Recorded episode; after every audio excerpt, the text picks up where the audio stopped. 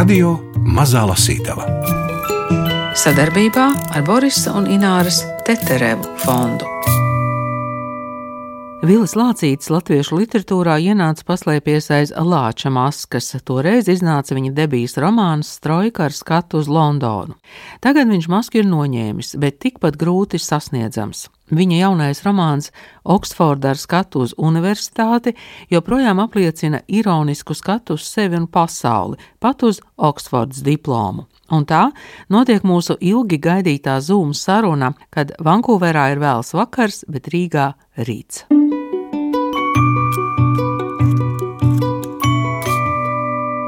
Man ir prieks, ka mēs esam sazinājušies ar Vili Lācīti, jo šeit rādio kursēja grāmata Oksforda ar skatu uz universitāti ar labām atsauksmēm. Nu, tas, es domāju, vienmēr rakstniekam ir labi zināt.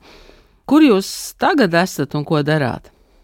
Šobrīd es esmu uz Vankūveras salas Britu Kolumbijā.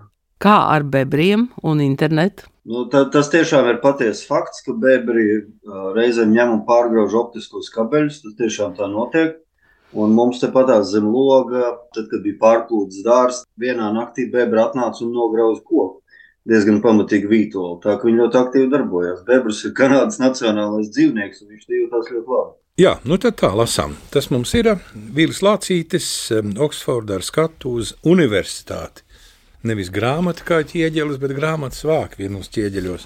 Britu dvēseli visvairāk atveras pabā un futbola spēles laikā. Ik nedēļu tie paši cilvēki sēdēja pie tiem pašiem galdiņiem un dzēra tieši tos pašus dzērienus, kamēr fonā uz riņķi gaudoja kārtējais kantrī dziesminieks ar lausto sirdi. Vienā stūrī bez skaņas darbojās televizors, kas rādīja nevienam neinteresējošu basketbalu spēli. Gar vienu sienu virs logiem siltā gaisa kustināts viegli šūpojās transparents velsiešu alum brains, kas nosaukts par godu darītavas dibinātājam Samuelam Brainam. Par Brainu ģimenes vārdu izcelsmi neko nezinu. Viss, ko varu pateikt, tas tulkojumā nozīmē smadzenes. Tātad domāšanas orgāns. Dziedošajā pederē Alu tirgoja trīs dažādos paveidos. Briti ir sapratuši, un pie tā arī turas, ka tikai kopā ar citu cilvēku cilvēks dzerošais kļūst par cilvēku sabiedrisko, tātad cilvēku noderīgo. Ja tu dzer vienatnē, tas ir alkoholisms un žūpība, tā ir nožēlojama atkarība no alkohola kā no ķīmiskas vielas, Paps alkoholam piešķir dziļāku jēgu.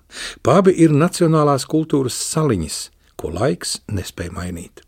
Tiem ir savs šarms, ko pārsvarā panāk ar paklājiem un mahagoniju tonī lakot finieri. Samuels Pīps sauca pabu par Anglijas sirdi. Attīstot analoģiju, varētu teikt, ka alus ir Anglijas asinis, un nekas tām neliek vārīties tik ļoti kā kārtējais pasaules čempionāts futbolā, par kuru viss tāpat zina, ka Anglijas izlase tālu netiks. Jo līdz šim viņi līdz uzvarai tikuši tikai vēsturiskajā un parasti ar nopūtu pieminētajā 1966. gadā, kad izšķirošajā spēlē Anglija sasita Rietumvāciju 4 pret 2. Paps un futbols ir kā divi galvenie krāni, pa kuriem nācija drīkst sevi izpaust līdz pat ekstrēmas kaisles līmenim, uz pilnu klapi tā sakot. Salīdzinājums ar krāniem nav nejauša izvēle. Britu nacionālajam kolorītam krāni ir laba ilustrācija. Briti, kuriem izdevās izveidot globālu impēriju, virs kā saule nekad nenorietēja, nacionālā dzēriena masu patēriņa vietās rokas mazgā maksimāli nērtā veidā. Gandrīz jebkurā apvienotās karalistes pabā Toaletē pie izlietnes ir pieskrūvēti divi krāni, viens ledus augstam, otrs verdošam ūdenim. Šī tehniskā atpalicība nav no nezināšanas vai nevarēšanas, jo to pašu pabu virtuvēs ir uzstādīti arī normālie kontinentālie krāni, kas jauc abas ūdens traumas lietotāja izvēlētās proporcijās, taču, kad runa par sabiedrisko telpu, kuru izmanto paba apmeklētāji, tur joprojām valda divi krāni. Un to dara nācija, kas atklājusi penicilīnu un sūta cilvēkus kosmosā. Bet brrr, vai kā nu, tur vecos laikos teica, lai apturētu zirgu, prrr, prū, nu, kaut kā tā. E, kaut kur es te galīgi auzās ieklīdu ar savām kultūra antropoloģiskajām pārdomām. Labi, atgriezīsimies pie tā vakara notikumiem. Man jau šķiet, ka lielākajai daļai cilvēku Oksforda tas ir kaut kas tāds mazliet mītisks, um, nu, gandrīz tā kā cūkārpa Harijā Poterā. Kā tas bija jums pirms jūs nonācāt Oksfordā? Harijs Poters laikam jau bija tanī laikā, un principā Harijs Poters jau ir balstīts uz, uz nu, cūkārpa, tā ir um, Christchurchas vienkārši tāda, nu, palielināt amplificēta versija. Mazliet par mākslu. Goda vieta pie sienas bija ierādīta Kristiāna pašportretam. Tajā pats mākslinieks sēdēja pa Nilsa Holgersona modei lidojošai kājai uz muguras, vicināja rokā sarkanu cepuri un smējās galvu atgāzis. Izskatījās, ka uz šo tēlu vertigo iedarbojas vairāk reibinoši nekā biedējoši. Arī kāja izskatījās tīri apmierināta ar notiekošo un šķelmīgi miedza ar dzeltenu aci.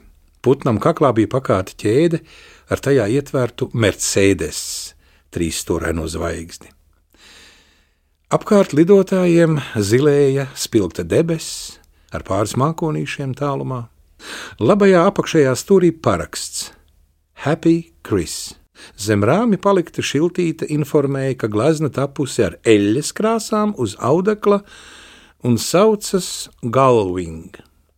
Sūcu alu un centos ar savām filistiešu plebeju smadzenēm atvērties mākslai tikai kaut kā līdz galam sajūsmināties nesanāca.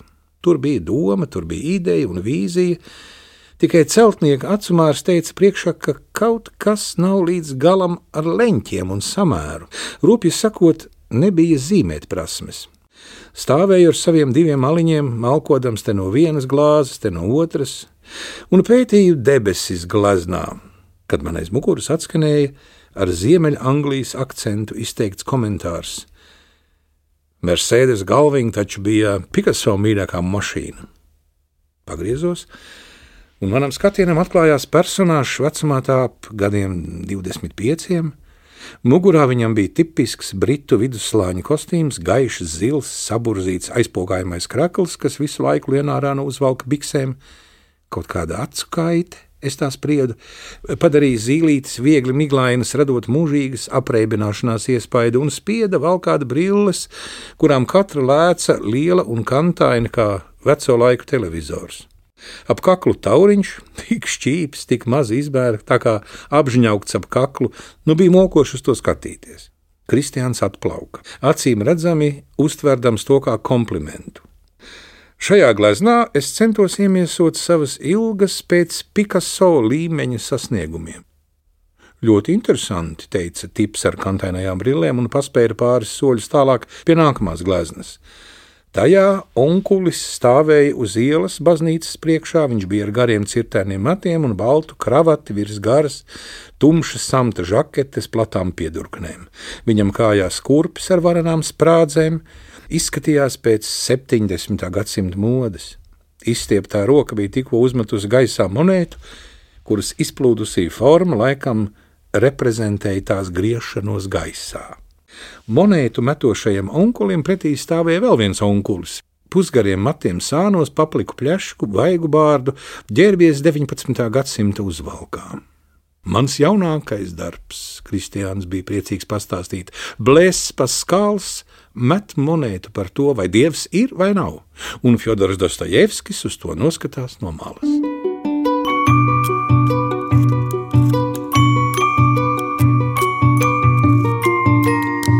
Radio Mazā Lasītava Vilis Lācītis dodas uz noslēpumaino akadēmiskuma un īsteni britiskas savādības apdvesto Oksfordu, maķenīt izveidināt galvu. Ķieģeļu sienu uz grāmatas vāka nosedz tikai daļu attēla, otrā pusē redzamas cerīgi zilas debesis. Acīm redzot, dažam labam tomēr izdodas izkalties cauri akmens cietajai citzemes savrupībai, kādu iemieso noslēpumainā universitātes pilsētiņa un sasniegt mērķus, lai nu kādi tie būtu. Arī stāstnieks romāna noslēgumā sasniedz kādu sapni bet par tā iemiesošanos jādomā un jācer vēstīs jau cita grāmata. Tā par romānu Oksfordā ar skatu uz universitāti dienā raksta Bārbals Simpsone. Bet jūs apzināti braucāt uz Oksfordu, lai ko darītu, vai tas notika nejauši? Es pārcēlos uz turieni, lai studētu. Bet ar domu iestāties universitātē? Jā. Grāmata beidzas ar to, ka jūs esat uzņemts Oksfordas Universitātē. Kā tas ir tagad, kad es saprotu, jūs esat pabeidzis Oksfordu? Ja? Jā. Vai tie priekšstati, kas bija pirms tam, un tā dzīve, kas bija Oksfordā, tur ir liela atšķirība? Nu, īsti jau nav. Nu, apmēram tā arī ir. Kā iedomājas, tā pa lielam arī ir. Tur tiešām staigā onkuļi tvīdu žaketēs ar, ar ādas tādiem apliem uz elkoņiem, kā Mr. Beans. Un, viņiem ir lielas bārdas, un viņi visi ir regulāri. Ne, nu, viņiem kaut kas notiek vai nu Taivānā, vai nu Brazīlijā, vai Antarktīdā, vai vēl kaut kas. Un, nu, var just to, nu, vismaz akadēmiskajā dzīvē, var just to, to pulsu, ka tā ir vieta, kas diezgan lielā mērā diktē to zinātnes mainstream. Nu, jūs runājat par tiem pasniedzējiem, kā staigā studenti. Studenti kā visi citi studenti. Nu, tā, tāpat arī viss ir. Jā. Piekam, nu, es esmu studējis abās universitātēs, kas ir Oksfordā. Um, un, nu, tā, tā atšķirība ir diezgan pamatīga. Starp Oksfordu un Oksfordas Bruksu ir, ir diezgan liela atšķirība. Un es esmu dzirdējis, ka arī starp Kembridžu un uh, Angliju Raskinu ir tieši tāda pati atšķirība. Es studēju maģistrantūrā, un tas ir ļoti atšķirīgi no bakalaura programmas. Par bakalauru es vienkārši nezinu. Bet nu, maģistrantūra es teiktu, ka ir laikam līdzīga visur, vairāk vai mazāk. Vienīgais, ka Oksfordā uzdod tiešām ļoti daudz lasāmo. Nu, un ko tagad var darīt ar Oksfordas diplomu kabatā? Pilnīgi neko. Tāpat kā sākumā, ja pilnīgi neko jūs sakat. Tieši, tieši tas pats. Tēmas nomaiņai pajautāja Serēnai, ar ko viņa nodarbojas un par ko ir viņas doktora disertācija. Disertācija izrādījās par mākslas terapiju, un tās ietvaros Serēna strādāja ar Oksfordšīras narkomāniem un bezpajumtniekiem. Šai sievietei, tā izskatījās, no dzīves gandrīz neko nevajadzēja, tikai dot citiem. Viņa izsniedz brīvpusdienas tiem, kas bija ar mieru terapijas nolūkos parunāties ar psihologu un pazīmēt. Viņa strādāja kā brīvprātīgā pašnāvnieku palīdzības dienestā. Divreiz nedēļā gāja uz samariešu labdarības kantoru, kur runājās par telefonu ar pašnāvniekiem un depresīviķiem. Serēnas plāns pēc disertācijas pabeigšanas bija piesaistīt finansējumu un tad uzsākt pašai savu mākslas terapijas labdarības organizāciju cilvēkiem ar garīgās veselības problēmām. Spriežot pēc visa, disertācijas rakstīšana negāja viegli. Darba bija līdz kaklam. Zini, ko man šodien teica mans promocijas darba vadītājs?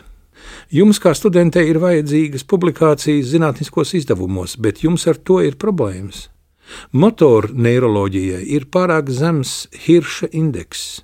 Hirša indeks ir vienāds ar to publikāciju skaitu, kurām atsaukušās N vai vairāk citas publikācijas. Piemēram, ja zinātnīgs publicēs 28 rakstus, no kuriem 24 ir citāti vismaz 24 reizes, Hirša indeks ir 24. Diez vai Jūras Hiršs to zina, ka viņam tāds indeks. Nu, lūk, Ir pārāk zems hirša indeks, lai mēs to ņemtu par pilnu. Tik zema lidojuma žurnālā publicēties ir zem Oksfordas goda. Tagad man ir tikai septiņi mēneši laika, lai uzrakstītu un nopublicētu rakstu izdevumā ar pietiekami lielu ietekmes indeksu. Parasti tādas lietas aizņem vismaz pusotru gadu.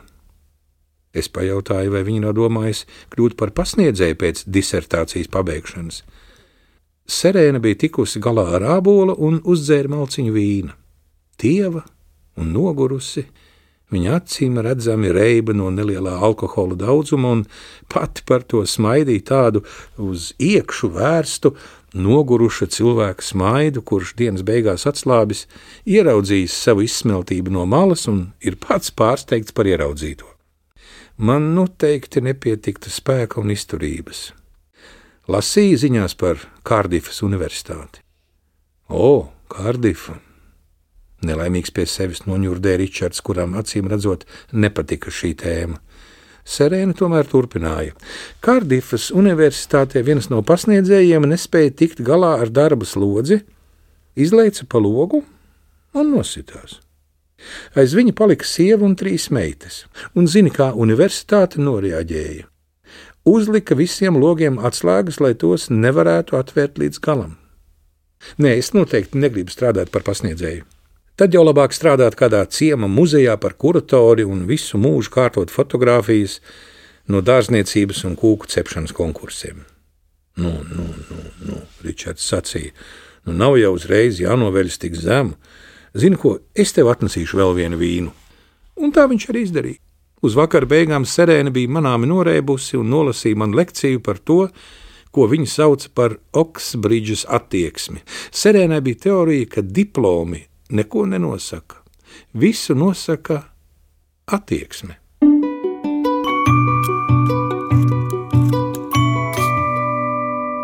Jūs rakstāt, ka šī grāmata ir par Angliju un tās reizēm lieliskajiem, reizēm nesaprotami dīvainajiem iedzīvotājiem. Nu, viņi ir tādi, kas jums šķiet visdīvainākais Anglijā. Angļi dzīvo uz salas, un viņi to ļoti labi apzinās un tā ir apziņa, kas ir viņiem bijusi vienmēr. Un, principā, Britu salas, cik es atceros, kopš 1066. gada ir iekarots tikai vienu reizi, kad bija kaut kāda darīšana ar, ar vienu no holandiešu aristokrātiem, kurš kļuva Oranžas Viljams, ja es pareizi atceros, bija tas vienīgais cilvēks pēc Viljama iekarotāja, kuram izdevās iekarot Angliju. Un Britiem tā, tā apziņa ir ļoti, ļoti izteikta. Viņi ļoti uz to spiež, ka viņi nav eiropieši. Viņiem tas ļoti svarīgi, jo principā ir, ir Lielbritānija un ir kontinents. Un, nu, kontinents, tad attiecīgi uz kontinentu tur viss dara ne tā kā ir pareizi, un mēs esam tie, kas dara pareizi. Britiem tas ir ļoti izteikti. Kopš viņi ir pametuši Eiropas Savienību, viņiem vēl izteiktāk tā mm, savpatības sajūta. To ir ļoti grūti pateikt, tāpēc, es domāju, ka šobrīd viņi ļoti lielākā daļa ļoti aktīvi kož alkoņos ar to Eiropas pamešanu, jo tiešām labi tur nav. Es gan tur neesmu bijis jau gandrīz trīs gadus, bet, nu, cik man sanāk ar kādu parunāt, palasīt ziņās, nu, nav tā baigi forši. Brexits nekāda baigi labā lieta nav bijusi. Un plus vēl noteikti tas, ka par Brexit pārsvarā balsoja veci cilvēki, tie dabiskā kārtā mirst, jaunie cilvēki, kuri nedrīkstēja vēl balsot, vai kur vienkārši jaunības muļķības dēļ nebalsoja. Tagad ceļ iebildumus un pārmet vecajiem, ka jūs vecie muļķi mums izbalsojāt ārā no tāda meduspoda. Tā ka tur ir jautri. Mēs ar Gunteru Āboliņu lasījām to nodeļu par tām šauru laivām, un mums bija dažādas asociācijas arī ar literatūru. Tiešām tur tā dzīvo uz tām laivām. O jā, tā ir vesela community, kā viņi saka, pa visu Lielbritāniju, jo tur ir tas milzīgais kanāla tīkls, pa kuru kādreiz dzīvo ogles no Ziemeļanglijas un no Skotijas dienvidiem uz Dienvidangliju. Un tas, principā, tā, ka to kanāla tīklu pabeidz, tad arī tas kļūst neaktuāli gandrīz uzreiz. Līdz ar to cilvēki automātiski pārvācās, sāka dzīvot uz, uz laivām, un tas no sākuma bija tāds pensionāru dzīvesveids, tad mākslinieku dzīvesveids, un tagad tas ir tāds vairāk hipsterīgs dzīvesveids. Iegājām Sainsburijas pēc alkohola un devāmies uz Ričarda mitekli, kas man par pārsteigumu izrādījās uz upes. Oksfordšīras temzai krasti vietām ir ļoti idilliski. Te lauki veļas zaļiem viļņiem, te kārkli pinas sudraba palākām mežģīnēm gar krastu. Vīksnu un vītolu, kas vēl nav iegāzušies straumē, brūnu, grubuļainu stumbru mestās ēnas rada intrigu. Arī kriteņi nav bez šarma. Uz to virsūdens daļām bieži var redzēt sastingušus milzu gārņus, kas līgojas līdz vējam, atdarinādami niedrāju un zaru kustības viļņošanos. Mums pienākot pie upes krasta, apkārtnes mažoja pēc augsta ūdens un siltiem dūmiem no apdzīvoto laivu un baržu metāla dūmeņiem. Britu salās cilvēks visbrīvāk var justies uz šaurlaivas, upju un kanālu sistēmā. Te man nāk prātā trīs vīri laivā. Ričards paziņoja, kad uzkāpām uz viņa šaurenes klāja, kad runa ir par off the grade dzīvesveidu, tas ir vecās jautrās Anglijas atbildi aļaskai. Šeit būtu vietā paskaidrot sīkāk, kas tad īsti ir šaurlaiva. Oksfordas ūdeņos ir daudz narrowboats, īpaši kanālu un upju transporta sistēmai būvētu tērauda laivu, kurām standarta platums parasti ir 2,1 metrs un maksimālais garums līdz 22 metriem, lai tiktu cauri slūžām. To sākums meklējams industriālajā revolūcijā un tās izraisītajā enerģijas badā. Britu kapitālisti izbūvēja plašu kanālu sistēmu, lai varētu ar laivām pārvest ogles no Ziemeļanglijas uz dienvidiem, kur tās no sākuma izmantoja apkurei un rūpnīcu darbināšanai, bet pēc tam arī transatlantiskajiem tvaikoņiem. 19. gadsimtā laivas ar oglēm gar krasta vilka zirgi, nu te ir trīs virlaivā, vēlāk laivās sāk iebūvēt motorus. Uz šaurlaivām mita veselas ģimenes, kam ogļu transportēšana bija dzīvesveids. Taču reizē ar kanāliem attīstījās arī dzelzceļš, kas izrādījās daudz efektīvāks transportēšanas veids, un ne tik sen uzbūvētā kanālu sistēma, kas bija izmaksājusi milzīgas summas, kādu simt gadu laikā kļuva nevienam nevajadzīga. Ūdens ceļi sāka aizaugt ar ūdens zālēm, bet tad šaurlaivas sāka uzpirkt hipiji un mākslinieki. Vēl pēcāk turīgi pensionāri nolēmuši savas dzīves pēdējos gadus pavadīt tuvāk dabai. Dzīve uz laivas ir dinamiska, daudz dinamiskāka par grāmatu Vējušu Vītolos, kas, starp citu, ir sarakstīta par Temzes upes ielēju. Grāmata ir par stabilu dzīvi upes krastā, kamēr kārtīgs boater, laivā dzīvotājs ir vairāk ekvivalents mobilam Robinsonam Krūzo pasaulē, kurā ir veikali, Šaurlaivām noteikumi ir tādi, ka lielākajā daļā kanālu un upju tauvoties pie krasta par velti drīkst tikai tad, ja ir nopirkta laivotāja licence un tu tur uzturies ne ilgāk par 14 dienām. Līdz ar to dzīves vieta nekad nav noteikta, ja neskaita iespēju maksāt par tauvošanos bez laika ierobežojuma. Izcila laba vieta var maksāt pat līdz miljonam mārciņu. Un tās attiecības starp Oksfordu un Kembridžu eh, tās arī ir tādas eh, nu, ļoti pamanāmas. Tas par to visu laiku tiek runāts, par to visu laiku tiek jokots. Es esmu dzirdējis tādu stāstu, ka, ka esat bijuši kaut kādi Kembridžas studenti, kas brauc uz Oksfordu un staigā ar koledžām un lec uz velosipēdu riteņiem, lai viņus saliektu. Tad Oksfordieši brauc uz Kembridžu, tur lēkāt par riteņiem. Es gan pats to neesmu piedzīvojis, bet um, kaut kas tajā visā varbūt arī ir. Jā, nu tur ir aprakstītas jums arī tās divas versijas, kā ir radusies Kembridža. Ja? Tātad Oksfordas versija un Kembridžas versija. Jā, es tādu. Viena grāmata, cik gadu laikā tad top apmēram jums vēl? Šis ir mans vis, vismokošākais, visilgākais darbs. Es teiktu, ka es esmu strādājis pie tā manuskripta nu, gandrīz nu, vairāk kā piecus gadus. Tad vēl viņš gandrīz divus gadus marinējās pie izdevniecībām. Tā kā šis ir tiešām ļoti lēns produkts. Sanāca. Pastāstiet, lūdzu, mazliet par tiem galvenajiem varoņiem. Tas galvenais es, tas esat lielā mērā jūs pats? Nu, īsti jau nē, tas tie visi ir kompozītu tēli. Un, uh, Mākslā ir vienkārši amplificēta realitāte ar plastisko operāciju nekas tieši tā nekad nav bijis. Tāda tieši cilvēki nekad nav eksistējuši. Tas tomēr ir tāds skaļš vārds, bet tomēr literārs darbs.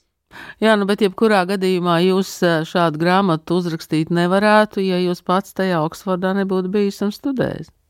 Mm, pilnīgi noteikti, jā. Sazvanījāmies pēc nedēļas, un vēl pēc nedēļas pirmo reizi devos uz Oksfordu lai piedalītos pētījumā priekš Ričarda zinātniska pētnieciskā darba. Braucu no Paddingtonas stacijas ar rīta vilcienu, lai paspētu gan piedalīties pētījumā, gan arī pēc tam pastaigāt pa pilsētu. Diemžēl pirmā vizīte paliks atmiņā ar traģisku piesitienu.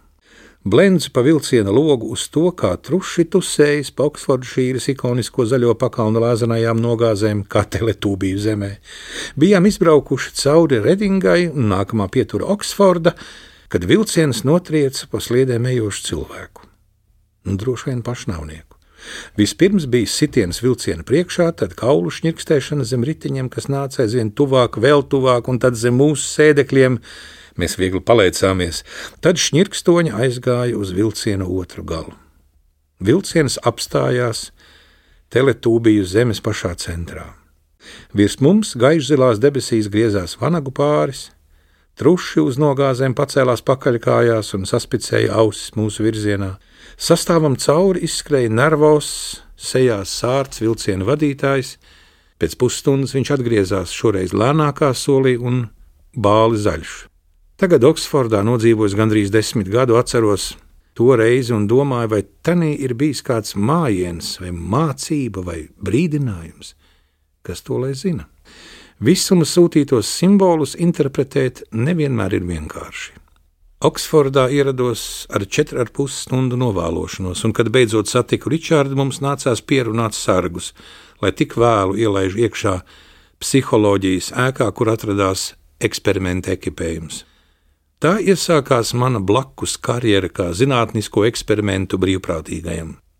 Oksfordā vienmēr ir pētnieki, kas izmēģina vakcīnas un skenē smadzenes, Apmēram 70% no universitātes ienākumiem esot nauda, ko maksā privāti uzņēmumi par pētījumu veikšanu. Reizēm piedalīties tādā pētījumā ir kā iemest aci Q laboratorijā no Fleminga romāniem, vai arī piedalīties kādā no Dr. House sērijām. Būt par izmēģinājumu trusīti parasti ienes no 5 līdz pārsimt mārciņām stundā, un reizēm arī krietni izklaidē. Visam pa virsmu var šo to pats par sevi uzzināt, psiholoģiski, intelektuāli vai medicīniski. Ka man ar galvu viss kārtībā, var apstiprināt kādi pārdesmit smadzeņu skanējumi, pārsvarā veikti Čērčila slimnīcā Hedingtonā. Smēķētājam nesliktu plaušu stāvokli var pierādīt ar bronhoskopijas video ierakstu. Esmu ēdis eksperimentālus proteīnu superēdienus, pārbaudījis uz savas ādas jaunas vakcīnas, šāvis ienaidniekus monitorā, vienlaikus pieslēgts pie visāda veida elektroniskajiem aparātiem, šņaucis oksitocīnu un tad slēdzis derības uz naudu, pirms un pēc kā man ņēma siekalu un asiņu paraugus, skatījos šausmu filmas, kamēr ap galvu klabādams uz riņķa nāsājas magnēts, kas nolasa smadzeņu aktivitāti. Interesanti par magnētu. Ja guli skenerī ilgu laiku, tā klabēšana sāk izklausīties pēc ritmiskiem deju zīmējumiem afrikāņu stilā, un pašam sāk vilkt uz dejām. Jūras cūciņas karjera iesākās ar mazāk dramatisku pieredzi. Lai palīdzētu Ričarda projektam, man vienkārši vajadzēja spaidīt podziņas uz touchscreen klaustrofobiski mazā kabinetiņā psiholoģijas ēkā pie universitātes parka, atbildot uz jautājumiem par dzēju. Pamat jautājums bija vienkāršs. Kurus no dzējoļiem uz ekrāna uzrakstījuši cilvēki, kurus mākslīgais intelekts, jeb MI? Un te es dramatiski aplauzos. Vēlāk Ričards pastāstīja, ka parasti cilvēku minējumi ir 50 pret 50 robežās, kas pierāda, ka lasītāji nespēja atšķirt mākslīgā intelekta vārsmas no homo sapiens vārsmām. Savukārt man nepareizo un pareizo minējumu proporcija bija 90 pret 10. Tas ir man gandrīz vienmēr likās, ka robotu dzējoļus uzrakstījuši cilvēki un otrādi. Kad tikām ārā bija jau diezgan vēls, un nekādu sakarīgo tūri pa pilsētu vairs nevarēja veikt. Taču Ričards bija pateicīgs par manu palīdzību un uzaicināja pie sevis ciemos. Serēna bija aizbraukusi un būs tikai rīt. Viņš teica, mierīgi varam iedzert bez viņas. Ņemot vērā, ka man nākamā diena bija brīva un Oksfordā biju pirmo reizi, atteikties būtu bijis neprāts. Vilis Lācītis Oksfordā skatu uz universitāti izdevusi dienas grāmata. Autors tagad Vankūverā, kur dzīvo Bēbri, bet mēs Rīgā Doma laukumā.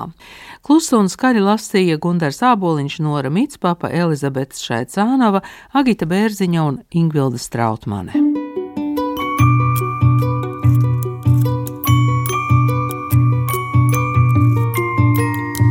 Radio Mazā Lasītava sadarbībā ar Borisa un Ināras Teterevu fondu.